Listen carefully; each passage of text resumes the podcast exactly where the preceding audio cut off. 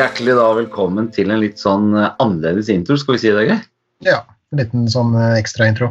Dette er altså en liten ekstraintro på podkasten Gi litt mer faen, The Podcast. The PSKs. Er det jo sånn at vi har tatt opp en episode mens vi kunne være i studio sammen, som vi skal nå sende om et par minutter, men så lager vi en liten, hva skal vi si, en uh, real date-intro. Mm mhm. For det hadde- syns jeg kanskje var å strekke det langt, men Ja, men eh, du skjønner hva jeg mener. jeg gjør det. Eh, for hvorfor ville du at vi skulle gjøre det, Geir? Nei, det er jo Vi lever jo midt i historien eh, for tida, da. Det er mm. dagsaktuelle begivenheter osv. Og, så og jeg tenkte at vi skulle benytte sjansen til å snakke om et uh, spesielt tema i dag. Fordi Ja. at eh, du Jeg vet at du har gjort noe spesielt de siste dagene. Og det kan Ja. du få lov til å fortelle litt om. Var det det du ville vi skulle snakke om? Ja, det var det, skjønner du. Ja. Det syns jeg i grunnen er veldig, veldig, veldig kult. Ja, eh, jeg vet jo ikke hvor kult det blir enda, men eh, jeg er jo som kjent eh, en artist, og det er, som komiker så er det ikke er det ikke så veldig mye å gjøre om dagen eh, på jobben min. Eh, Riktignok så har vi nå hver eh, kveld klokka sju så har vi noen slags eh, quiz-talkshow, jeg og min sønn Eirik. Men eh, ellers så går jo dagene med til å bare sitte og skrive litt og sånn, så tenkte jeg hva kan jeg gjøre for å bidra mer i dugnaden? Og eh, det snakket jeg med deg om, og så kom du med et eh, hot tips. Mm Ja. For det er jo, det er jo eh, Mange bransjer opplever jo permitteringer og, og sånt Mm. om dagen. Eh, og, men på en annen side så er det også en, en del bransjer som opplever en ordentlig, et ordentlig sånn oppsving Ja. eh, og, og behov for folk. Mm. Eh, og disse er da Skal vi se Hvem blir det? Det blir dagligvarehandelen, Mm. transportbransjen, Mm. det som har med, med matproduksjon og foredling av matvarer å gjøre. Mm. Landbruk, Eh, landbruk og helse. helse og omsorg. Ja. Så Mm. de, de har behov for tida, og den utfordringa spilte jeg liksom litt sånn i din retning. Og i dag så skal du noe helt spesielt. Ja, om en halvtime nå så skal jeg gå ned på Kiwi i intervju. For jeg ser hvordan min lokale Kiwi-butikk eh, jobber ryggen av seg om dagen. Eh, så da var jeg rett og slett nede og så sa jeg har dere bruk for mine tjenester så lenge den eh, krisen her pågår. Og så ble de veldig glad, og så ba de meg sende inn en åpen søknad, og så fikk jeg meg med min sønn Eirik på å gjøre det samme, for han er jo både permittert som student og på jobben hans på, som lærer på skole. Så da skal han og jeg dra ned der nå om en halvtime og så se om vi kan begynne å jobbe på Kiwi. Jeg kan jo ingenting om butikk, jeg har vært artist siden 93-94. Men eh, jeg kan sikkert hjelpe til på å ta imot på lageret, flasker, eh, vareplassering i hylle. Alt sånt sa jeg, da. Og så ble Mm. de veldig glade. Så nå, nå tror jeg faktisk at jeg skal gå ned og så forhåpentligvis få meg en grønn skjorte, en grønn bukse, grønne sko og en grønn genser. Jeg tror du kommer til å kle det utrolig godt. jeg tror det. Ja, det blir tror, men jeg tror, eh, jeg tror det kan være litt tidlig for koronavitser ennå, så hold deg unna det, da. Det skal jeg ikke vitse om i hele tatt. Men eh, eh, jeg har innmari lyst til å se om det er noe jeg kan bidra mer med i den dugnaden som jeg føler at vi, de aller, aller fleste av oss stiller opp på. Så det er mitt neste ledd i min eh, dugnads... hva kan man kalle det? Innsats. Mhm, mhm. Det er kjempebra. Jeg tenker også at eh, vi de nærmeste dagene, litt avhengig av hvordan det her utvikler seg, men jeg tror nok at vi, mange av oss i befolkninga, vil bli spurt om å kunne bidra på andre felter enn det vi vanligvis bidrar på. Det må vi gjøre. Det må vi gjøre. Jeg jobber jo på kontor eh, til vanlig og med psykisk eh, helse og sånt, og den Mm. eh, delen har jo blitt delvis sånn elektronifisert. Mye sånn teleterapi for tida og sånn. Mm. Men hvis jeg blir kalt til å ut og grave grøfter for en bonde et eller annet sted, så gjør jeg gjerne det, altså. Ja, det, det syns jeg vi alle skal gjøre, egentlig. Ja, syns jeg også. Jeg har ikke vondt av det heller. Nei, det har vi ikke. Så det blir spennende å se hvordan det her barker av gårde, og så håper jeg at vi kommer ut i andre enden med en litt sånn fornya dugnadsånd, eh, kanskje. Ja, hun jeg bor sammen ble veldig glad. Det er jo vinn-vinn. Du både har noe å gjøre og får trent kroppen. Ja, Så det er var veldig fornøyd. Er Kjempebra.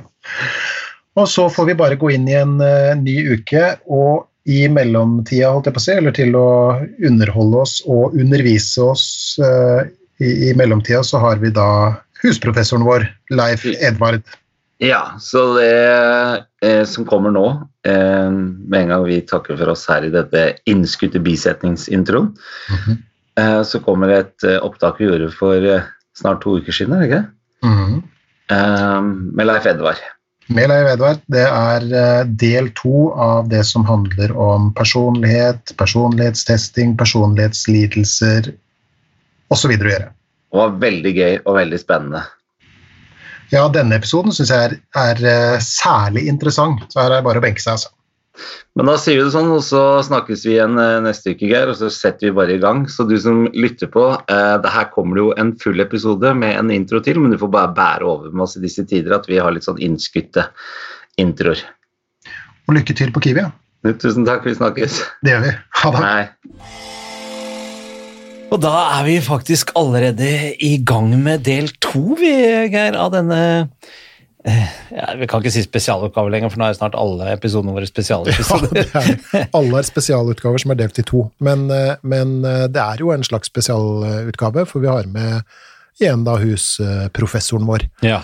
som vi begynner å bli ordentlig glad i. Eh, Og jeg tror kanskje at hvis jeg ser på glimt i øynene, så begynner han å like oss ganske ja, godt. du liker Ja. oss, du òg? Ja, ja. Men Ja. jeg liker jo folk generelt, for jeg er høy på positiv affekt Ja. og ekstroversjon. Sånn er det bare. Ok, Så vi var ikke så spesielle likevel. Ja, jo, selvfølgelig er du spesiell. Ja, En kvinne vil analysere det dit. En mann vil bare si 'tusen takk', det var hyggelig med kompliment. Det var, Mm, nemlig. Jeg, Ja. hør, hørte hva du sa. ja, jeg, jeg mener det, altså. Jeg er ikke redd. Jeg, jeg er jo en, en enkel liten komiker, så jeg behøver ikke ta de der forbeholdene dere har, for jeg har ikke noe fagmiljø jeg skal Nemlig. forsvare det jeg sier fra for. Men vi, vi i- hadde, enkel i hvert fall. enkel er jeg. Men, men uansett, da, eh, denne spesialen handler jo da om personlighet. Personlighet. Og personlighetspsykologi og personlighetstesting, og etter hvert også da personlighetsproblematikk. Og det vi avsluttet forrige episode, da, da var vi jo inne på dette her med personlighetstesting. Ja. Og snakket jo om uh, denne Big Five, som jeg klarte å si det heter. Jeg, har, jeg vet, har hørt et sted, altså. Ja. Personlighetstesten heter NeoPR. NeoPR. Jeg kjenner at jeg kommer til å huske Big Five lettere enn akkurat det ordet. Mye lettere. Det kan tenkes. Eh, Så er det sånn at du vil Nei, vi trenger ikke oppsummere noe. Nei, det, det trenger slutten. ikke. Folk har Ja. hørt forrige episode og hører denne episoden i dag. Så da kjører vi rett på. Ja, ja og du brenner skikkelig nå. Jeg det er gøy. gjør det. Du er ivrig. det- Ja, for det er noe jeg lurer veldig på når det kommer til dette med personlighet, personlighetstesting osv., og, så videre, og det er følgende. Så nå spør jeg da eh, professoren vår her. Leif Edvard, Ja. går det an å gjennom å, å se på en personlighetstest, og da resonnere seg fram til eh, testobjektets politiske preferanser? Ja, det var et fantastisk uvanlig spørsmål. I motsetning til alle de gode fra del én, så kom det Fordi her er det sånn at ok, så personlighetspsykologien, når man ser på de overordnede faktorene, er veldig generelle. Nå kan det jo hende at eh, det finnes indirekte noe forskning her som ser på åpenhet for eh, nye opplevelser, som finner at eh, folk som er mer liberale, er høyere på de, og at folk som er mer konservative, da tar med seg brunosten når de skal flytte til Spania for å bo i en enklave der, og at man på akkurat den faktoren kan se noe av dette. Men jeg tror man skal være litt forsiktig med det. Hvis du har lyst til å måle folks spesifikke trekk eller spesifikke atferder, fordi vi skiller oss ad både når det gjelder uh, politisk orientering og en del andre ting. I vår forskning så ser vi eksempel veldig mye på seksuell atferd, og da bruker vi et mål som ser på i hvor stor grad man er korttids- eller langtidsorientert i en seksuell orientering. Altså, er man opptatt av sex for sexens skyld, overfladisk one night stand-orientert, eller er man i større grad opptatt av at sex er noe som binder oss sammen som par, som skal skje romantisk i trygge rammer av forholdet. Um, Er det, og- er det noen trekk som predikerer det ene og det andre? ja, ja, ja. Så, så, og, og den forskninga der bruker vi for å predikere folks tilbøyelighet til risikosex, til, eh, til seksuell trakassering og uh, Tinder-bruk, f.eks. Sånn at vi, vi vet mer om folk når vi spør mer presise spørsmål. Så hvis jeg virkelig hadde lyst til å vite noe om folks eh, politiske orientering, så ville jeg nok heller stilt dem uh, den type spørsmål mer konkret. Hva stemmer du? Ja, for eksempel. Det er den mest åpenbare i Norge. Men hvis man ønsker å ha mer eh, den amerikanske delinga i liberal versus eh, conservative, så vil man spurt mer spørsmål av den typen.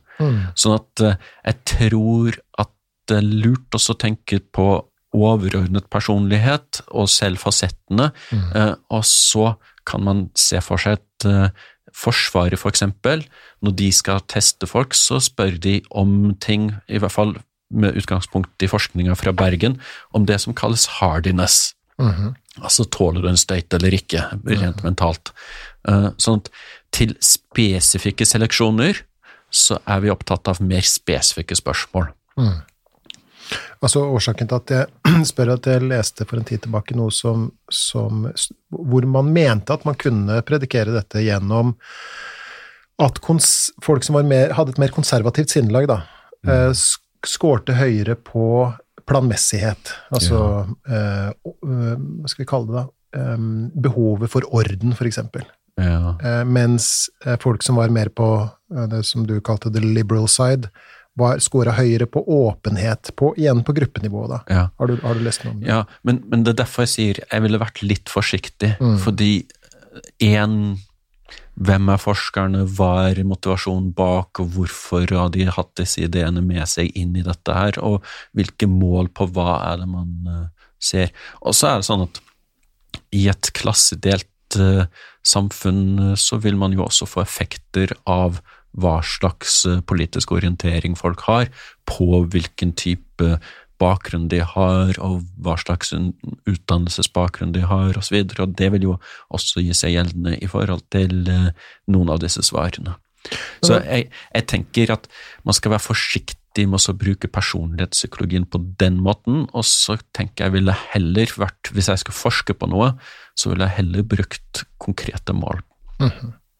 Når det kommer til det du refererer til da, med, med holdninger til eh, seksualitet og seksuelle møter, da, om vi kan uh, være dannede og kalle det det, uh, hva, hva kan du gi en sånn kjapp oppsummering av hovedfunnene der? Altså, på bakgrunn av Altså, hvis, vi, hvis vi ser på målet, da. Uh, en liten sånn fun fact. Når man lagde den listen av adjektiver som man skulle bruke for å utvikle Big Five, så var det sånn at man tok vekk alle seksualiserte ord, for dette var på den tiden der sånt var fy-fy. Så Big Five har ingenting i seg som rommer seksualitet i utgangspunktet. Nok en gang, åpenhet for nye opplevelser kan kanskje romme noe av det, eh, men likevel. eh, Sånn at eh, de ordene ble tatt bort. Men når vi skal forske på folks konkrete, spesifikke seksuelle personlighet, for å si det på den måten, så stiller vi spørsmål på tre forskjellige domener. Hvor mange partnere har du hatt? Og Atferd, altså. Eh, holdninger. Sex uten kjærlighet er ok, eller jeg vil helst eh, ha sex i et uh, forplikta forhold. Og det andre er i hvor stor grad tenner du på eller fantaserer du om folk som du møter seksuelt. Altså, tenner du på de som du møter på en seksuell måte. Og de svarene man gir der, eh, og dette siste målet er veldig kjønna. sånn det er stor forskjell på gutter og jenter. Jeg mens på- skulle til å spørre akkurat men det. på atferdsnivå så skal det jo helst være helt likt, spesielt hvis man måler uh, heterofile uh, møter, så skal det jo være en mann og kvinne til stede i de møtene. Sånn at folk tror ofte at menn har mer korttidssex enn kvinner, men det kan de nødvendigvis da ikke ha i et uh, rent matematisk heteroseksuelt perspektiv. Så når vi stiller de spørsmålene der, så kan vi f.eks. predikere hvem som bruker Tinder. De som har flere partnere, syns at sex uten kjærlighet er ok, og tenner fortere på fremmede, de har mer Tinder-bruk og opprettholder Tinder-bruken eh, i større grad. Det betyr ikke at de lykkes noe mer, fordi Tinder virker ikke. Um, og det er også slik at de både blir utsatt for mer trakassering og utsetter andre for mer trakassering, jo høyere de scorer på disse tingene. Um, Gjelder det både kvinner og menn? Ja. eller i det utvalget vi har, Mm. unge mennesker. Sånn at uh, uh, Videregående studenter. Sånn at det påvirker en seksuelle atferd på forskjellige domener. Så menn har ikke noe mer one night stand enn kvinner? Nei, kan ikke nødvendigvis ha det. Nei.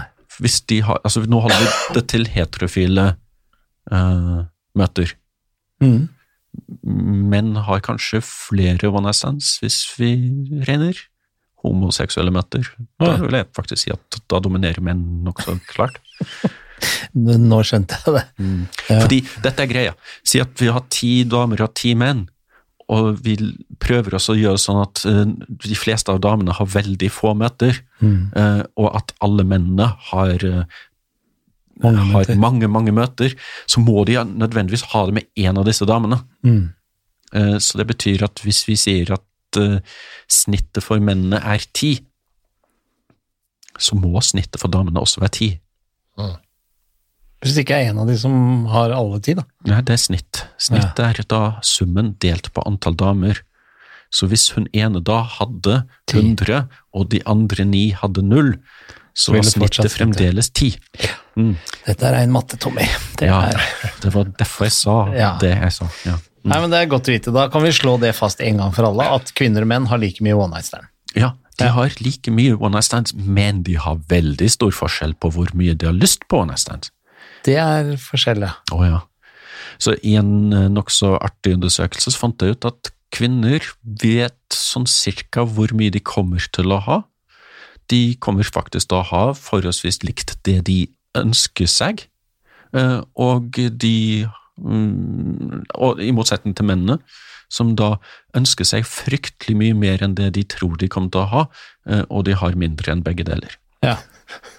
Det er, men, det er, det, men det er jo Jeg bør ikke dra inn matte engang, det er jo ren biologi. Kvinnene er, er heldigere enn oss der. de er heldigere på den måten at hvis de vil, så kan de. Mm. Eh, Men de som sier at de vil, og har mye, ser ikke ut til å bli så lystige av det. Faktisk så ser det ut som at de blir litt nedfor og eh, deppa og eh, selvkritiske. Ja. Fordi vi har også forska på det med anger dagen derpå, eh, og det ser ut som at menn angrer mest de møtene de ikke har hatt, som de kunne ha hatt. Så det å ha sluppet en potensielt knull forbi, Ja. det er eh, noe som menn grubler på, Ja. mens kvinner i større grad angrer eh, sex de har hatt. Men jeg aner jo en sånn viss personlighetsforskjell mellom oss, da, Tommy, for du sier at ja, da er de heldigere enn oss, mens jeg tenker sånn Nei, det er ikke noe for meg, ass. Nei, men jeg tenker sånn, hvis du tar en mann og en kvinne, og de har, går på byen fordi de har lyst til å ha sex med en, en, en ukjent partner, da, Mm. altså en one night stand, så er jo sjansen til kvinnen større for at hun får oppleve det, enn for mannen. Absolutt. Nå er det, det viktig, nå er det en viktig ting. Når man tenker langtidsforhold, så er begge parter forholdsvis kresne.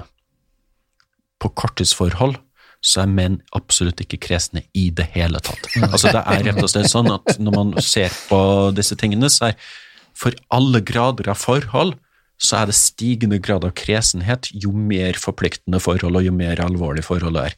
Bortsett fra one night stands, der eh, man, et, hvis man rangerer det etter date, mm. så er det sånn at uh, kvinner da stiller litt strengere krav, men ingen.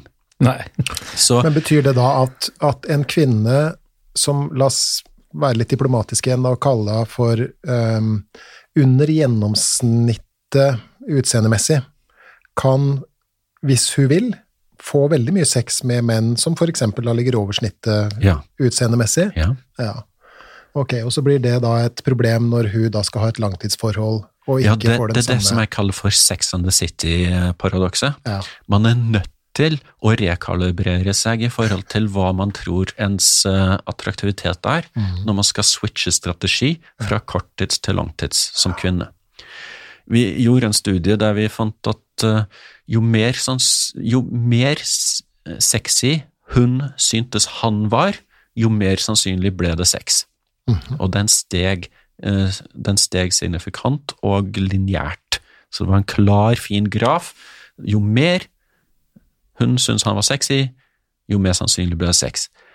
Eh, For gutta så var det en svak negativ effekt, men ikke signifikant.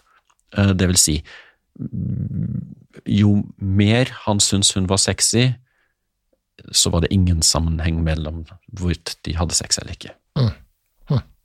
Så det er akkurat det du sier. Okay.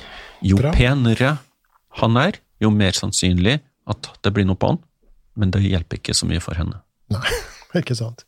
Og det blir en skuffelse senere i livet når hun skal etablere seg. Nei, så hun, hun, hun har ikke den samme effekten av utseendet utseende for å få sex. Hun, hun, altså, dette er en viktig ting. Bare man er ung, frisk, kvinnelig, så er man, er man attraktiv. Hun trenger ikke jobbe sånn med utseende for at det skal bli one night stands. Eh, han må ha de maskuline trekkene eh, og personligheten for å lykkes med one night stands, og veldig mange vil ikke lykkes så mye som han som lykkes. Nei. Så det jeg mente i sted, var bare at det var ikke noen sammenheng. Nei, Så det, kanskje jeg, mist, jeg ola meg litt klønete der, Nei, nei, men det var det det som var poenget mitt. Jeg forsto det. Jeg forsto det. Ok. Ehm, sånn, apropos dette med testing av personlighet osv., som vi jo per litt sånn indirekte snakker om eh, nå, så har jeg jo sett eh, en del tester som jeg lurer litt på. Blant annet så er det eh, en del eh, For du, du snakka jo i forrige episode om at man blant annet kunne bruke personlighetstesting til å, å, å predikere eh, innsats i jobben, eksempel, egnethet til dette eller hint og, og sånt noe.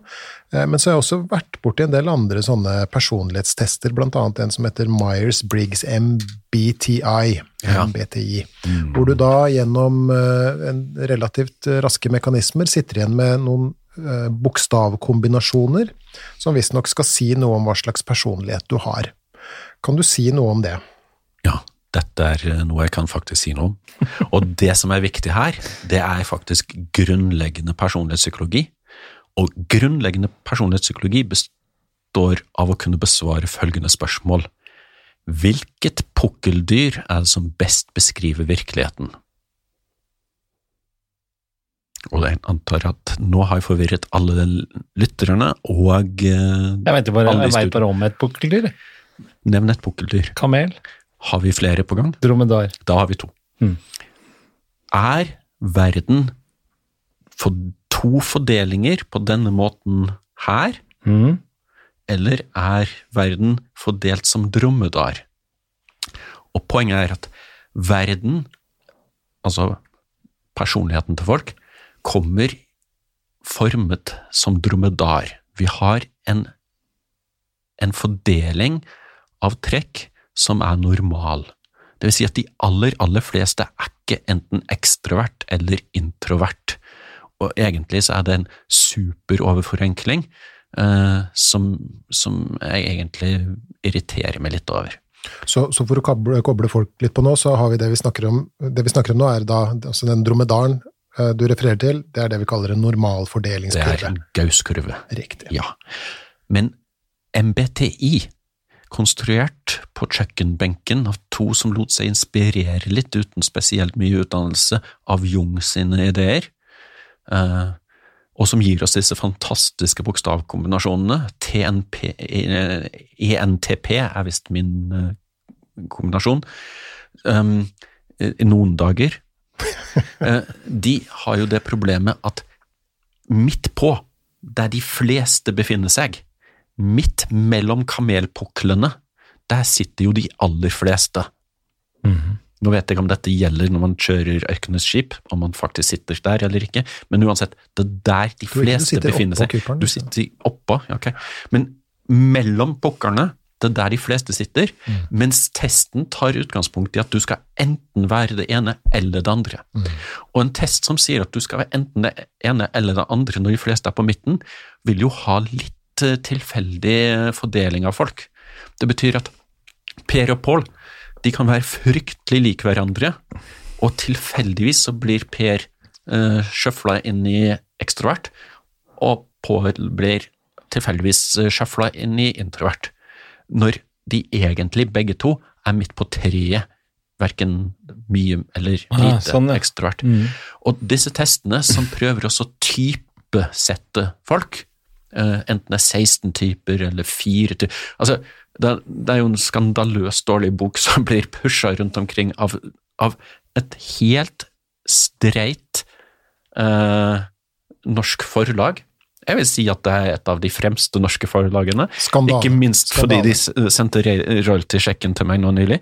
Men, men det som er greia, det er skandaløst at man pusher sånn idioti av typen Det fins fire typer. Altså, Å ja, det er han der med fargegreiene og Ja. ja. og, Ja, det er bare og tull, ja. Så Oppfinneren der, det er jo han som skrev Wonder Woman. ja. Altså, og jeg vil jo si at Wonder Woman er jo en sensasjon, spesielt eh, med den nye skuespillerinnen. Um, mens, men som, eh, som vitenskap, fire uh, typer er håpløst. Det fins ikke hold for at det finnes fire typer. 16 typer, som i MBTI, absolutt fremdeles altfor lav eh, treffsikkerhet. Sånn at fem kontinuerlige mål der folk kan fordele seg på midten eh, som, om de vil, gir en langt bedre beskrivelse av åssen folks personlighet er. Så det du sier nå, da er at eh, personlighetsmessig, når vi skal måle det her, så, så befinner vi oss på, på et eller annet punkt på en skala, og der, Ja. der går vi også litt fram og tilbake på På et en vis. dimensjon, ja. Ja, okay. For det, det leder meg til mitt neste spørsmål, for det har jeg også lurt eh, en del på. Eh, Og det er dette som er, jo er en del av dagligtalen som handler om introversjon og ekstroversjon. ja. Eh, Fordi at man får Det er lett å få inntrykk av, i hvert fall sånn i dagligtalen, da, at hvis du er eh, ekstrovert, så er du, du er glad i rampelyset og, og står på scenen osv. Og, så og hvis du er introvert, så er du en, en sjenert stakkar som sitter inne i hula di. ja. Men er det nødvendigvis sånn? Nei. Og dette er, dette er også um, det, Dette er noe av kjepphestene mine, så jeg kjenner at jeg blir litt revet med nå og kan komme til å bable litt. Men det som, det som, er, det som er utrolig viktig, det er at de aller, aller fleste er jo verken det ene eller det andre. De er midt på tre. Det er der vi finner 67% av befolkninga. Så 67% av befolkninga er verken eller, eh, og det gjør at disse to begrepene tømmes bitte litt ut allerede på det nivået. Og så er det sånn at eh, fordi, fordi vi ikke tester helt likt hver eneste gang, så vil de testene som prøver å presse folk inn i enten-eller-gruppene, de vil jo da være mindre etterrettelige, for folk får nokså forskjellige svar fra gang til gang. Hvis de da ikke har en veldig tydelig opplevelse av hvordan de selv er, og beskriver seg på den måten nokså presist. Um, og så har vi da det faktum at ekstrovert og introvert, det er jo på en måte en sum av de forskjellige fasettene, og, og de er på en dimensjon. Og det er sånn at man kan være veldig glad og få veldig mye glede av å henge med andre mennesker, um, men samtidig ikke lyst til å være sjef. Mens noen syns det er veldig gøy å henge med andre mennesker, og liker å være sjef. Så de er på en måte det, det er forskjellige måter man kan fremstå på, selv om man har en forholdsvis høy ekstroversjonsscore. Og som sagt, de fleste har jo egentlig en eh, ekstroversjonsscore som er forholdsvis i snitt, men de kan jo ha en liten avstikker, sånn at de kan være ikke spesielt ekstrovert, men likevel, hver gang, noe, hver gang det er et møte, så liker de å ta ordet og bestemme hvordan det skal være. Og, og denne her forståelsen blir jo litt borte for folk i uh, allmennformidlinga, når vi hele tiden snakker om at de introverte og de ekstroverte, fordi de som er ekstremt eh, ute på en av de skalaene, utgjør jo en veldig liten prosentandel av befolkninga. Mens nesten alle har en oppfatning av at de er enten ekstrovert eller introvert.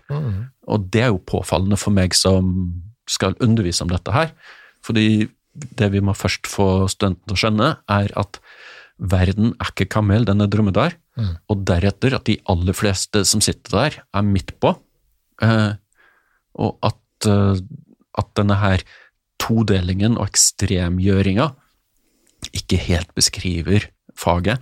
Pluss, når man snakker om ekstravert, så drar man med seg andre trekk. Fordi ekstrovert skal i tillegg være litt tjomslig og, og ha en del sånn agreeable trekk også. Så man skal ha med seg de hyggelige sidene. Så man stripper ofte vekk fra den forståelsen av ekstrovert som en som liker også å ha kontrollen over tingene, og så legger man til litt sånn sjenerøsitetsting også. Sånn godslige ting. Eh, og- Varm, varm og åpen og ja, og det, det begynner å bli snev av andre trekk som sniker seg inn her i tillegg, sånn at man begynner å forlate den dimensjonen som er vitenskapelig, og legge på litt andre kvaliteter. Mm. Så en del av eh, Norges eh, mest ivrige uh, trekkfolk vil jo ofte vegre seg litt når man skal snakke om hva, er, hva som kjennetegner ekstroverten. Fordi det er jo da plutselig mer jungiansk og eh, ikke så veldig trekkpsykologisk. Mm. Så Jung og en del andre tror at verden kommer i todelinger og i typer og forenklinger. Eh, og den aller verste forenklingen er noen forenkler til fire. Eller kanskje to, fordi kanskje mange tenker litt sånn amerikansk. En dimensjon. You've got a great personality. Mhm. Og da har du liksom mye eh, av ekstroversjon, og ingen av de gufne trekkene sidene eller ubehagelige bitene. Um, og, og det blir en uh, overforenkling. Og, og så er det sånn at da er det et problem at MBTI er en av de aller mest brukte testene i næringslivet Mm. og i befolkninga.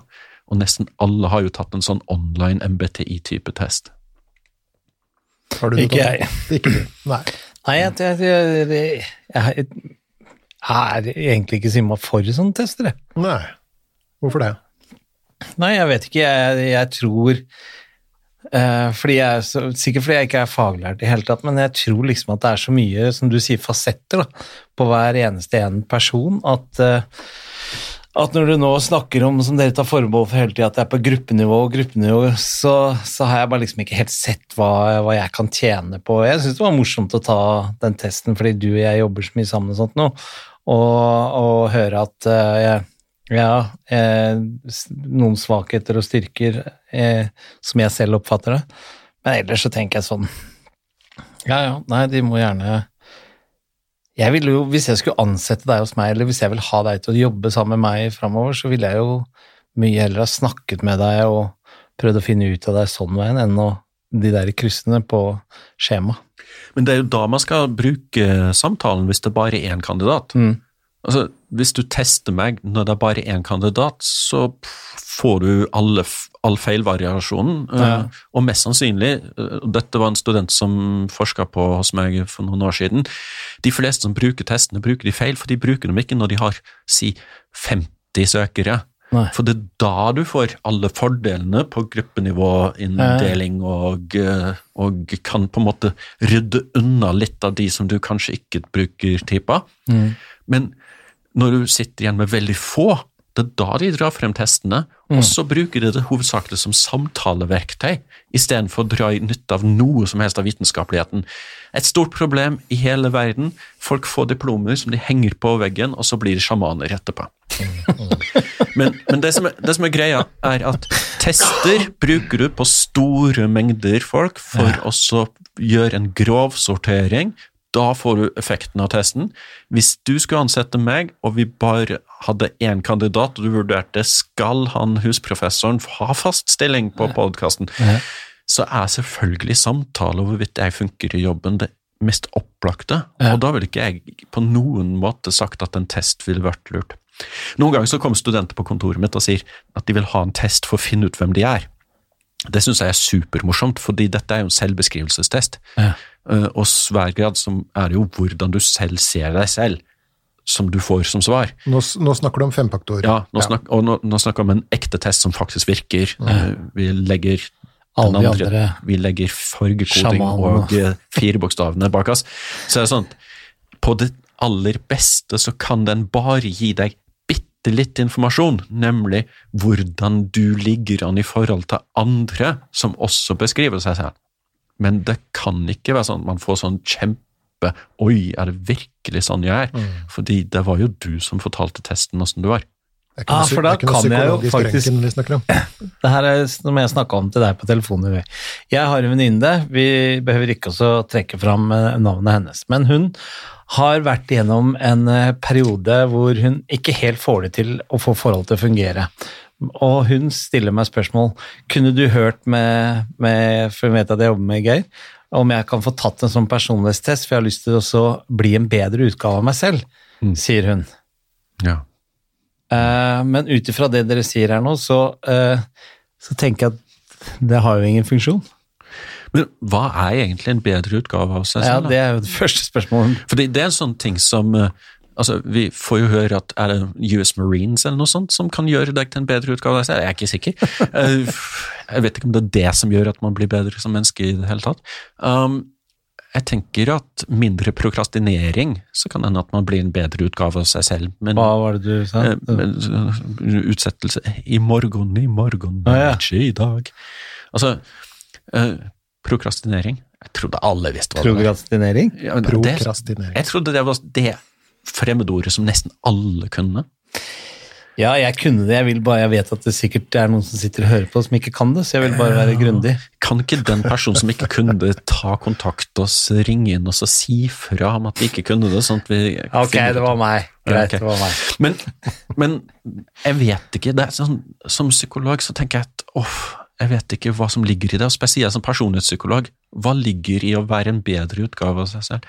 Men jeg vil jo si at kanskje vedkommende skal finne ut er det sex hun vil ha, eller er det kjæreste hun vil ha. Ja. Og deretter så er det kanskje sånn at forhandlingsevna til å kompromisse litt, eh, som man må jobbe med også. Ja, jeg er enig med du. Men du, går det an å stille, stille spørsmål eh, Går det an Er det på de personlighetstestene her man finner ut om folk har eh, For jeg har hørt sånn dere kaller hva er det personlighetsforstyrrelse? Er det det det heter? Ja. Ja, Gud, så mange kjepphester på én dag. er det det? Personlighetsforstyrrelse, ikke sant? Bare smak på den. Ja. Altså, jeg vet det ikke er riktig, og studentene mine sliter litt når jeg begynner å blande her, men Ja. for meg så heter det personlighetslidelser. Det gjør jo ikke det på ordentlig, Nei. men personlighetslidelse, det er når du har trøbbel over tid på grunn av måten personligheten din er. Ja. Mens personlighetsforstyrrelse, hvordan, altså, hvordan faen vet vi at det er forstyrra, og i så fall hva er det som er forstyrra? For eksempel, om man har høy grad av psykopati, hvis man ikke har empati, så er jo det forholdsvis, hva skal man si, effektivt fra naturens side med å skape uh, uh, mer avkom, Ja. Så lenge ikke alle har det. Bare en viss gruppe i samfunnet kan være psykopater til enhver tid og utnytte alle de andre. Det må være på en måte et fellesskap som skaper et overskudd som man kan være parasitt på. Mm. Men, men her ligger det så mye teori fra gamle dager at uh, det er nok uh, ikke et ord jeg setter pris på. Men nei, vi bruker faktisk ikke neopi for å oppdage personlighetslidelser, selv om noen vil hevde at høy grad av nevrotisisme kombinert med svært lav grad av medmenneskelighet, agreeableness og planmessighet, conscientiousness, det er det som er på en måte den trekanten som utgjør eh, typisk både psykisk lidelse, men også eh, personlighetslidelser. Um, og, og når du, når du eh, snakker om personlighetslidelser, hva, kan du gi en sånn kjapp oversikt over hva er de vanligste personlighetslidelsene? Vel, i Norge så har vi jo den nordiske typen, unnvikende. Um, Kan beskrive den? Ja, Kort. kort. kort sagt så er det sånn at eh, den ligner bitte litt på sosial angst, eh, og kjennetegnes i stor grad at man ikke setter pris på å kjenne på ubehagelige følelser. Hvis man skal summere svært sånn suppepose fort. Er det den mest vanlige personlighetsforstyrrelsen? Ja, den nordiske typen. Ja. Um, Hva men- heter den da? Heter den bare den nordiske typen? Un unnvikende. Unnvikende? Unnvikende. Så det er en personlighetsforstyrrelse? Kanskje? Ja. Er det det? Ja. Men men schizofreni ja. som Ja, Schizofreni er det Schizofreni er en psykose. Det er en, en vrangforestillingslidelse i, i psykoseområdet så det holder vi utenfor. Men det okay. fins noen som ligner på, og som er knytta til det, Ja. som eksempel schizoid personlighetsforstyrrelse. Det er litt sånn Schizoid. ja, det er litt sånn man trekker seg helst litt tilbake og vil ikke omgås folk, eh, har ikke sosiale behov, type litt Ah. affektflatt. Og så har du schizotypi, som er på en måte eksentrikeren. Um, jeg vet ikke hva jeg skal si nå, men vi, vi ser for deg det litt fargerike, krystallpregede um, New Age uh, tror på hva som helst. Ja. Um, jeg skal ikke nevne noen fra den kulørte ukebladpressa uh, som kunne tilfredsstilt den. Men det må du gjøre, for ellers så skjønner jeg ikke hva du snakker om. Hvis, Ja, men vi skal ikke snakke om eksprinsesser og Nei, sjamaner men, nå. men, vi det, men de to personlighetstilstandene eh, ligner veldig på schizofreni, både genetisk og i uttrykk. Så derav den der forstavelsen. Men jeg, bare, jeg, jeg, jeg forstår det, da. Fordi at det du snakker om nå med personligheter og personlig personlighetslidelse, Mm. det er ikke det samme som, som, som personlighetsforstyrrelser? Jo. Uh, ok, Det- det er det men, men schizofreni og hva er det heter for noe? Bipolar og alt Ja, det der? ja, så- alt det er så- sykdommer, bare? Ja, så vi, ja, nemlig. Det er et godt spørsmål. Altså, noe, av det verste med, noe av det verste med personlighetsforstyrrelseskategorien Ja. er jo at man sier jo til folk når de har den tilstanden, at du har en sykdom, og det er sykdommen, det er deg. ja. Mens når vi har alle de andre sykdommene, som depresjon, så prøver vi å hjelpe folk. Det er ikke deg, det er depresjon. ja. Det er depresjon som får deg til å tenke på den måten. Det er depresjon som får deg til å gruble. Vi eksternaliserer hele sykdommen. Schizofreni det kan medisineres bort, det er jo ikke deg. Ta Spis disse tablettene, så får du vekk. Eller vi prøver andre behandlingsmetoder. Vi har en tendens til å skille sykdommene fra personen nokså tydelig. ja. Um, mens eh, på personlighetslidelsene, eller forstyrrelsene som de blir kalt, mm. så er det på en måte deg, det er du, det er din personlighet som har skavanken. Ja. Det er, det, er ikke, det er ikke deg, Tommy, det er gonoreen din. Ja, Ikke sant? Så den kan vi skjønner. Han, han bare trakk inn en annen sykdom. ja, det var absolutt en annen sykdom han trakk inn der. Ja. Men um, Men andre viktige og typiske, som, altså den som vi hører mest om og ser mest på film, er jo mer uh, for eksempel den eh, emosjonelt ustabile, eller borderline, som man heter. Um, og så får man jo de paranoide, og så har vi de, eh, de dyssosiale, eller de som før het de psykopatiske, og også de sosiopatiske. Og det er jo en sånn lidelse Heter ikke det lenger? Nei, altså, det som er greia, at det, det er slikt et skjellsord, fordi det, det er et ord vi bruker for å beskrive de som verken har empati eller er spesielt hyggelige med, med Ja. sine medmennesker, og som er nokså egennyttige. Um, et ord som brukes for å beskrive ekser i det ganske land. Ja. ja, altså, alle ekser er jo egentlig der, på en måte, mm. hvis vi skal overforenkle litt. Og det, som det som er litt skummelt, er når vi prøver å ha et um, følelsesfritt og deskriptivt begrepsapparat for oss å snakke om sykdom, Ja. og så mener vi egentlig drittsekk. Ja. Uh, Og så må vi ha et ord som ikke er drittsekk, for det kan vi ikke bruke i en faglig sammenheng. Og så finner man på ord som for eksempel psykopat, men etter et par eh, filmer eh, så kan man ikke bruke det lenger på den samme profesjonelle måten. Nei. Så finner man på ordet sosiopat, Ja. og så har man antisosial og dyssosial, eh, men, men i stor grad så snakker man om folk som er lav på empati, som har altså psykopatiske trekk, mm. høy på narsissisme, fordi selv om man prøvde også å skille de to lidelsene fra hverandre av teoretiske grunner, så kommer disse stort sett sammen. Og så har man også et trekk som heter machiavellianisme, som er det tredje trekket i den mørke triaden, som da beskriver de som er mer manipulerende. Så har man eh, en opp, uh, opptikk på noen av de, så er det ofte sånn at de følger med. Uh, og, og, og det er ikke nødvendigvis de hyggeligste iblant oss.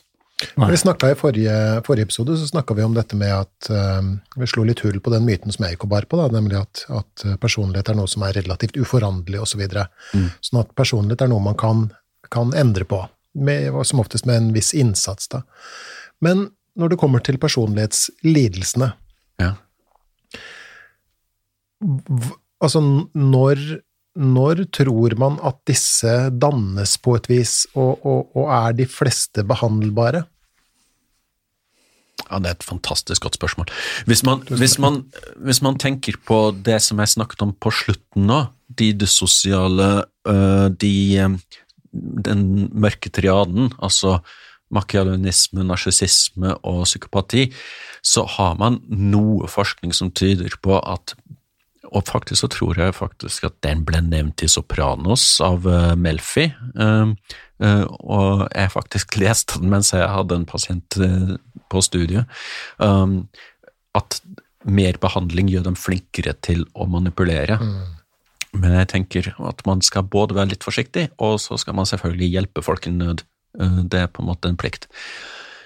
Borderline-tilstand, det er gjort en god del forskning på det, med både mentaliseringsbasert eh, behandling og det som kalles dialektisk atferdsterapi. Store ord, jeg beklager, men det er noe navn på ting. Um, eh, og der ser det ut som at én til tre års behandling kan ha en effekt.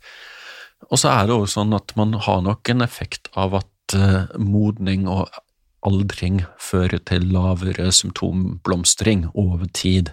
For alle For disse, for disse som jeg snakket om nå. Mm. For de som ligner på angstlidelsene, så er det noe forskning fra Trondheimsområdet som tyder på at man skal Hørte du? Trondheim. Jeg klarte nesten, ja, jeg klarte nesten å slå om. Um, det som eh, er funnet der, er at hvis man velger den uh, angstbehandlinga som personlighetslidelsen ligner mest på, så kan det hende at man har en del effekt med det. Så nok en gang, disse personlighetslidelsene oppstår i løpet av uh, sen ungdomsalder. Man får egentlig ikke lov til å sette de før man er rundt 20. Mm. Nå, nå gjøres det nok en del brudd på det diagnostisk, men, eh, men akkurat som en normal personlighet, så er jo ikke den danna, eh, tenker man, før ca. 30 års alder. Og så har man fryktelig mange ideer om hva som er genetisk og hva som er ikke genetisk. Eh, Norske data tyder på at f.eks.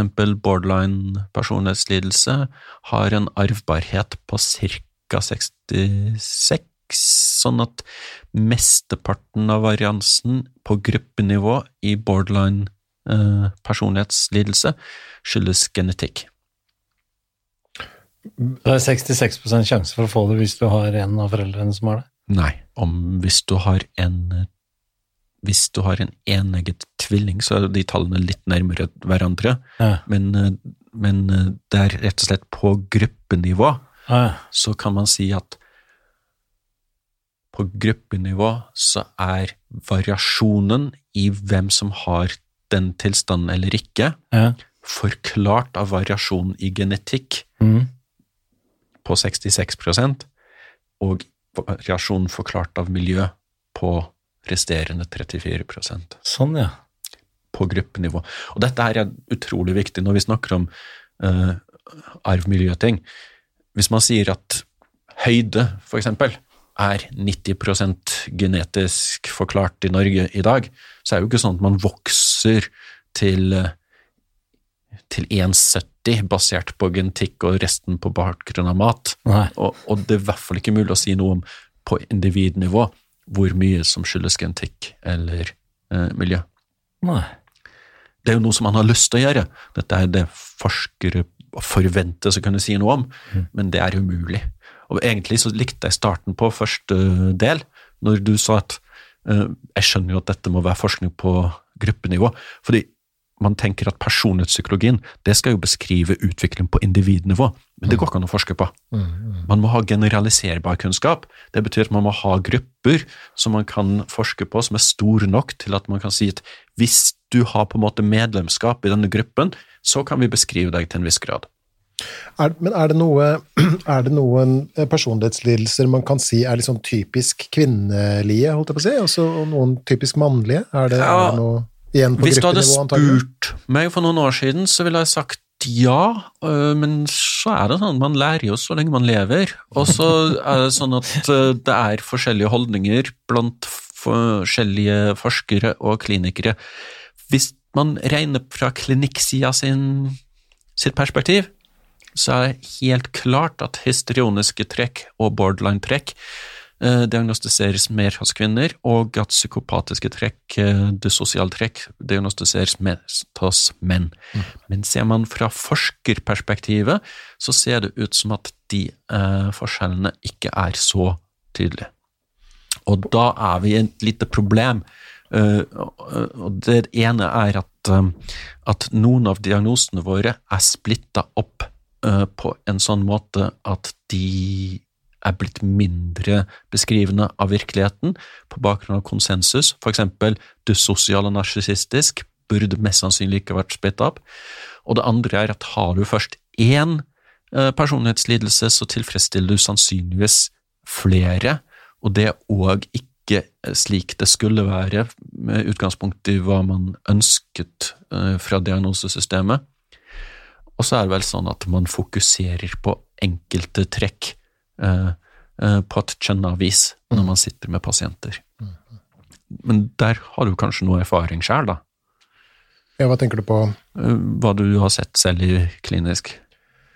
Ja da, ja, fra tidligere så, så Jeg kjenner meg jo igjen i, i det bildet. Mm. At, at det er eh, men, men det er jo som du sier, altså det man leter, finner man, og det man ser etter, det bekreftes jo av ens egen, eh, et eget syn. Så, Og, det, og det her er en sånn generell ting, at vi har problemer med å gjenkjenne de mer ondsinnede trekkene og de fælere trekkene hos kvinner, fordi vi har en kjønna persepsjon av kjønnene.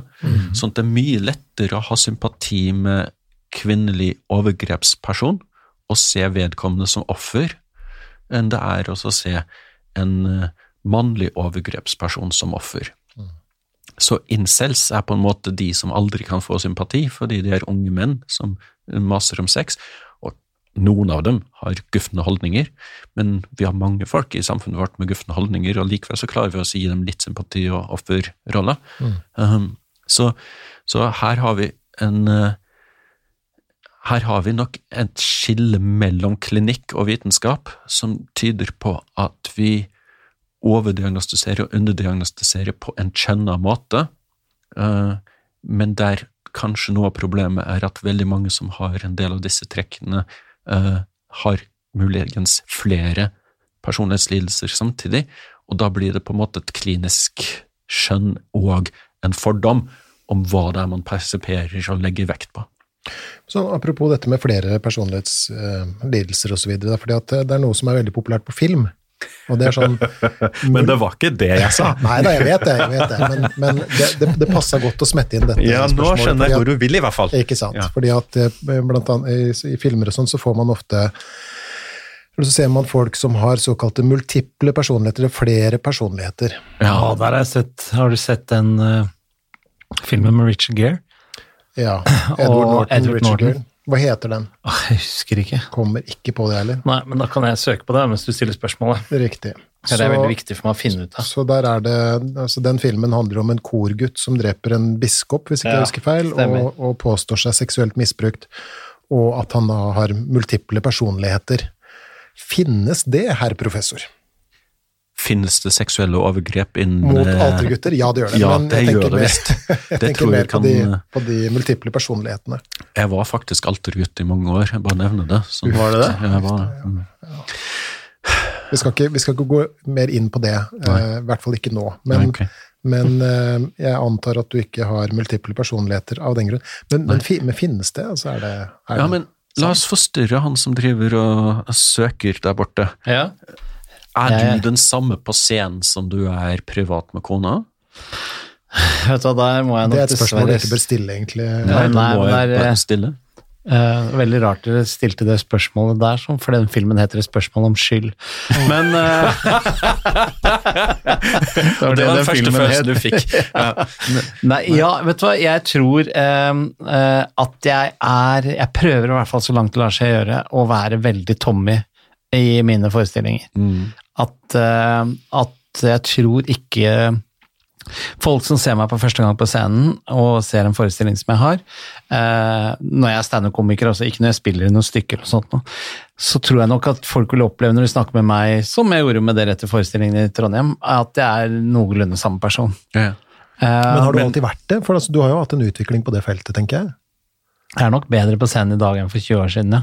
Nei, men jeg, tenk, jeg, tenk, jeg tenker En positiv utvikling. Jo, jo, men jeg, jeg tenker på altså, altså at du at det, at det var større skille mellom det vi kan kalle en scenepersonlighet og den du var i virkeligheten før enn ja, ja, ja. Mye større før. Ja. Mye, mye større før. Men jeg skal også innrømme at ja, jeg er nok litt tøffere i trynet på scenen nå enn det jeg tør å være hjemme med Linda når det bare er oss to. Det tør jeg innrømme. Og på fest med jevnaldrende og på kaffeslabberas med gamle tanter, Mm. er du litt annerledes i de to settingene? Nei, jeg er nok ikke det. Nei. Jeg var nok det før. Ja. Um, Så Men- denne her mangelen på sosial intelligens som eh, Tommy beskriver nå, Mm. det, det er jo ikke det typiske for mennesker.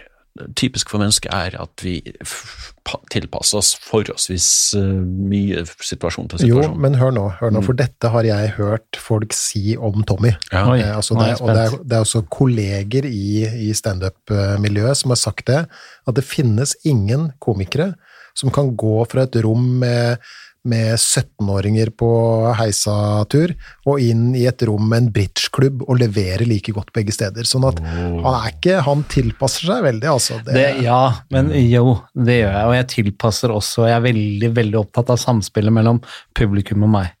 Men jeg er også veldig, veldig opptatt av at, eh, at eh, så klart så tilpasser jeg meg. Eh, Hvis det er veldig stille, så er ikke jeg den som står «Øh, øh, Kom igjen! Men jeg tror nok i begynnelsen, før når jeg begynte med dette her for 26 år siden snart, så var jeg mye mer opptatt av at, at jeg på en måte tok med meg jobben i alle sosiale lag også. Jeg skulle være midtpunkt, jeg skulle være morsom. Eh, mens med alder og klokskap og erfaringer, Og lavere testosteron. og litt lavere test. Ja, det er ikke mye ifølge hun jeg bor sammen med. Men eh, så, eh, så ha, opplever jeg nok at jeg ikke har den samme behoven og sulten for å få det oppmerksomhets... eh, hva skal jeg kalle det? Sulten stilt. Altså, jeg kan godt sitte Jeg behøver ikke være midtpunkt i like stor grad som jeg var før. Men det som er poenget mitt her, her, vi har alle på en måte bevegelse i personlighetene våre fra situasjon til situasjon, og det er en vesentlig del av definisjonen på personlighet som, som også må ta med det relativt stabile, fordi vi er relativt ustabile også på tvers av situasjoner. Og da er det sånn at vi har forskjellige personlighetsuttrykk i forskjellige situasjoner. Og det er reelt, og det er viktig, og vi overdriver av og til for mye at den personligheten vår er så stabil og durer gjennom på alt. Men den ideen fra filmer om multiple personligheter, den kan vi bare legge død. Den, der var det dessverre uh, en uh, Så det finnes ikke, mener du? Nei, det fins ikke. Eller det fins på film, da. Ja, men ikke i virkeligheten? Nei, det fins masse som fins på film som ikke fins i virkeligheten. Vi kan begynne. Drager. Drager fins på film, men ikke i virkeligheten. ja, det det kommer an skjønner på jeg. hvordan du definerer dem. Ja. Og så er det sånn at, eh, at eh, det er en kjempespennende idé, for den ideen om at det kan være slik at den ene personen fordi folkepersonlighetspsykologi, altså det at jeg prøver også å skjønne hvem dere er, lage meg en slags modell av dere, prøver også å vite hvordan jeg skal sjarme dere to, fordi det er forskjellige måter å nå frem til begge to, for at dere skal like meg, for det er viktig for meg at alle skal elske meg. Um, så er det sånn at jeg lager en modell av hvem dere er, og så prøver jeg å nå frem til dere. Og så hvis jeg skal lage et kakelotteri, hvem er det som jeg skal satse på, skal bake kakene, hvis jeg skal organisere en fest, hvis jeg skal få gjort noe, eller hvis jeg er i nød, eller hvis jeg trenger penger. Liksom. Når vi omgås hverandre i samfunnet, så har vi en sånn folkepsykologi med oss. Tanken om at noen kan være fullstendig annerledes. Den er jo kjempespennende. Tanken om at eh, de gjør det for oss å løse psykiske plager de fikk som barn, er jo også en sånn psykodynamisk idé som er poda inn i all litteratur. I stor grad der psykoanalytisk teori lever for tiden, i litteraturen. Litt uh, manglende fantasi hos uh, forfattere. Men la oss skylde på Shakespeare, det var han som kom med de fleste av de ideene uansett. Uh, så er det sånn at dette her med at man både gjør det for å forsvare seg, og man kan komme til å gjøre det i en sånn situasjon at man blir kriminell på den ene siden og god på den andre siden, at man kan pakke fasetter av menneskets natur inn i én kropp. Det er jo en fantastisk uh, narrativ uh, virkemiddel og filmatisk uh, Hva skal vi kalle det for, for gadget? Dr. Jekyll og Mr. Hyde. Ja, ja. Robert Louis Stevenson sin klassiker. Eh, det er på en måte det at man har både godt og ondt, det dyriske og det ikke-dyriske, det sunne og det usunne. Og det, er å putte alt inn i én kropp og leke med det, det er kjempegøy, men det fins ikke i virkeligheten. Nei, men, Men- på den annen side så kan man jo også si at det er jo det som eh, femfaktormodellen rommer, da, at vi har alle disse sidene, selvfølgelig. Altså, ikke, ikke til de ekstreme der, men vi, vi rommer Hva skal vi kalle det? Ikke et punkt på en dimensjon, men, et, men en, en, en liten eh, bevegelsesområde på en dimensjon. Det er veldig sjelden at folk som er ekstremt ekstroverte, er ekstremt introverte samtidig. Men det fins jo, og det fins f.eks. situasjoner. Så du kan finne folk som er ekstremt bra der ute, men så kommer det til romantiske nære, uh, intime følelser, og så blir de fryktelig uh. Eh, Og du har folk som virkelig liker å være ledere, men, eh, men så er det enkelte situasjoner der de bare tenker nei, uff, dette her tar ikke jeg ansvar for, dette her var litt utafor mitt bord, dette ble litt kleint og klamt. Mm. Hva er, hva er forskjellen? For Du sa jo i stad at schizofreni kan man få medisiner mot, det er en sykdom. Men multipel, er ikke schizofreni er ikke det schizofreni, schizofreni, er ikke det to personligheter? Ja, det er på en måte det som ligger i etymologien av ordet, Ja. men det er ikke beskrivelsen, Nei. og det er ikke innholdet. Så det er egentlig en av disse tingene der man uh, må si at navnet eh, ikke godt beskriver uh, hva det er man prøver å beskrive. Okay. Så, så, så den der eh, Når folk sier at Dagbladet eksempel er schizofrent, fordi det prøver også å fronte woke meldinger i kommentatorseksjonen, og driver med reinspikka um, hva skal vi si, undergraving av alt som er politisk korrekt Ja. i innholdet sitt, eh, så mener man at det er spaltet på den måten, men det er en feil bruk Ja. akkurat som man sier samlemani, så mener man egentlig ikke mani. Nei. Sånn at vi har massevis av ord som ikke egentlig egentlig betyr det som de Altså Hvis du kan etymologien, Ja. så må du bare si at ja, det er et navn, men det betyr ikke det. Nei. Det er som, det er som man, de to Newcastle-spillerne som heter Longstaff. Nå har ikke sett de i dusjen, men det er ikke sikkert at de har en Longstaff. Nei. Det var bra. veldig godt eksempel. Tusen takk, eh, Leif Edvard. Det, det var eh, Og jeg har jo størrelse 46 i sko, og det er ikke sikkert at, uh, at eh, jeg har like store hender. Nei, riktig. Nei. riktig. Men det var ikke navnet ditt. det. Hvis du hadde het Blir bare kalt 46, ble jeg kalt på Ja, nå har ikke jeg så mye utdannelse, da, så det var jo på folkehøyskolen. Okay. Right. Men du skulle si noe? Jeg skulle si noe, og Ja. det er at jeg tror forsyne meg vi må begynne å runde av. Vi må det, dessverre. Det Betyr Eh, at blokka er tom? Det er ikke flere Nei, det er spørsmål? flere spørsmål, men det går på tid og studio. Oh, Ja, ja. De står og banker på det. De står og vil inn og, og bruke studio, men, eh, men vi fortsetter, for vi skal ut og spise sammen. Hurra! Ja, eh, du skal jo ta meg til restauranter i Oslo, byen hvor jeg bor, som Ja. et sted jeg ikke har vært før. Ja, det, er- det er sånn det er. Ja, Turistene som kommer og spiser og ser på severdigheter. Ja, vi som bor her, den har ikke råd til å parkere her sånn lenger, og bompenger, så vi... Kan ikke få bilen inn for å parkere den. Nei, Nei. det er, sånn er det. Men vi må runde av, men eh, jeg har bare lyst til å runde av med å si at for første gang på eh, 14-15 episoder, og det er for noe, så kommer jeg ikke til å ta på meg rollen med å oppsummere. Ja, da har vi et problem. Nei, jeg, jeg, jeg, det er så mange ting jeg Ja, men lurer på fortsatt. Kan ikke jeg bare eh, oppsummere, da? Ja, Ja. kom igjen. Personlighet, det er forskjellene mellom folk i hvordan de tenker, handler og føler. Og dette kan vi oppsummere i fem trekk. Medmenneskelighet, planmessighet, ekstroversjon, nefrotisisme og åpenhet for nye ideer. Og disse trekkene predikerer, hvis vi måler dem med en test som heter neopi, nokså godt, men langt ifra perfekt. Og ingenting av dette her er hugget i sten. Det er i stor grad ting vi er blitt enige om i fagfeltet, og prøver å jobbe så godt vi kan med. Og så finnes det forskjeller på folk når det gjelder seksuell interesse for korttids- og langtidsforhold. Og så er det sånn at menn og kvinner er ikke helt like på de områdene heller. Og så er det faktisk sånn at vi har noe som heter personlighetsforstyrrelser, som burde hett personlighetslidelser, og mange av de går det an å behandle. Det var eh, Det eh, måtte en professor til. Jeg skjønner ikke hvorfor vi lot han gjøre det. Nei. Fritt for aldri mer ta oppsummeringa etter den oppsummeringen. Det var en fantastisk oppsummering. Det blir som å hoppe etter Ruccola. Jo, men så en viktig ting som jeg glemte, og det var pukkeldyret. Pukkeldyret må vi ha med. Man må bare få med den i oppsummeringa. Mm, det er kjepphest. Verden er dromedar, ikke kamel. og hvis man faller for å altså kjøpe en bok som sier at det går an å dele personligheter opp i fire typer, Fire farger. ja, så tenker jeg at de idiotene som forfatteren beskriver, det er mest sannsynlig kundegrunnlaget. Ja, Ja, igjen veldig elegant. det var jo det. Ja, jeg syns det.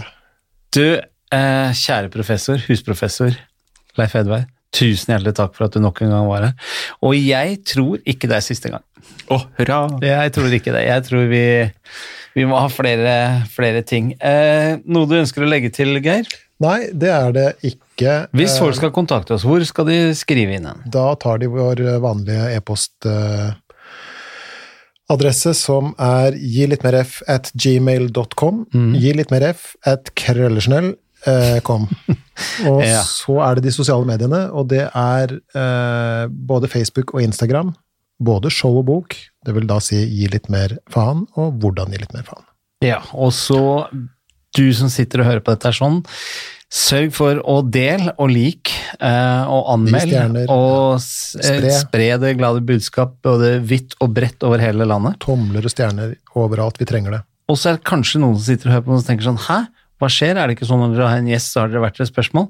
Men når du har en husprofessor som har vært der flere ganger, så trenger du ta det. Jeg husker eksempel hva han skulle bli litt flinkere til å gi litt mer faen i, og det har med oppussing av badet å gjøre.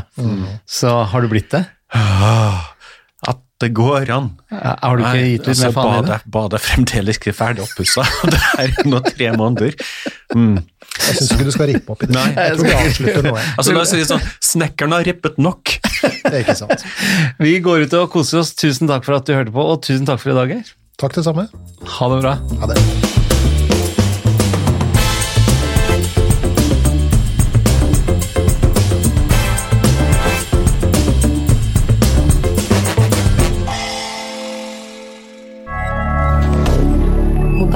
D'accord.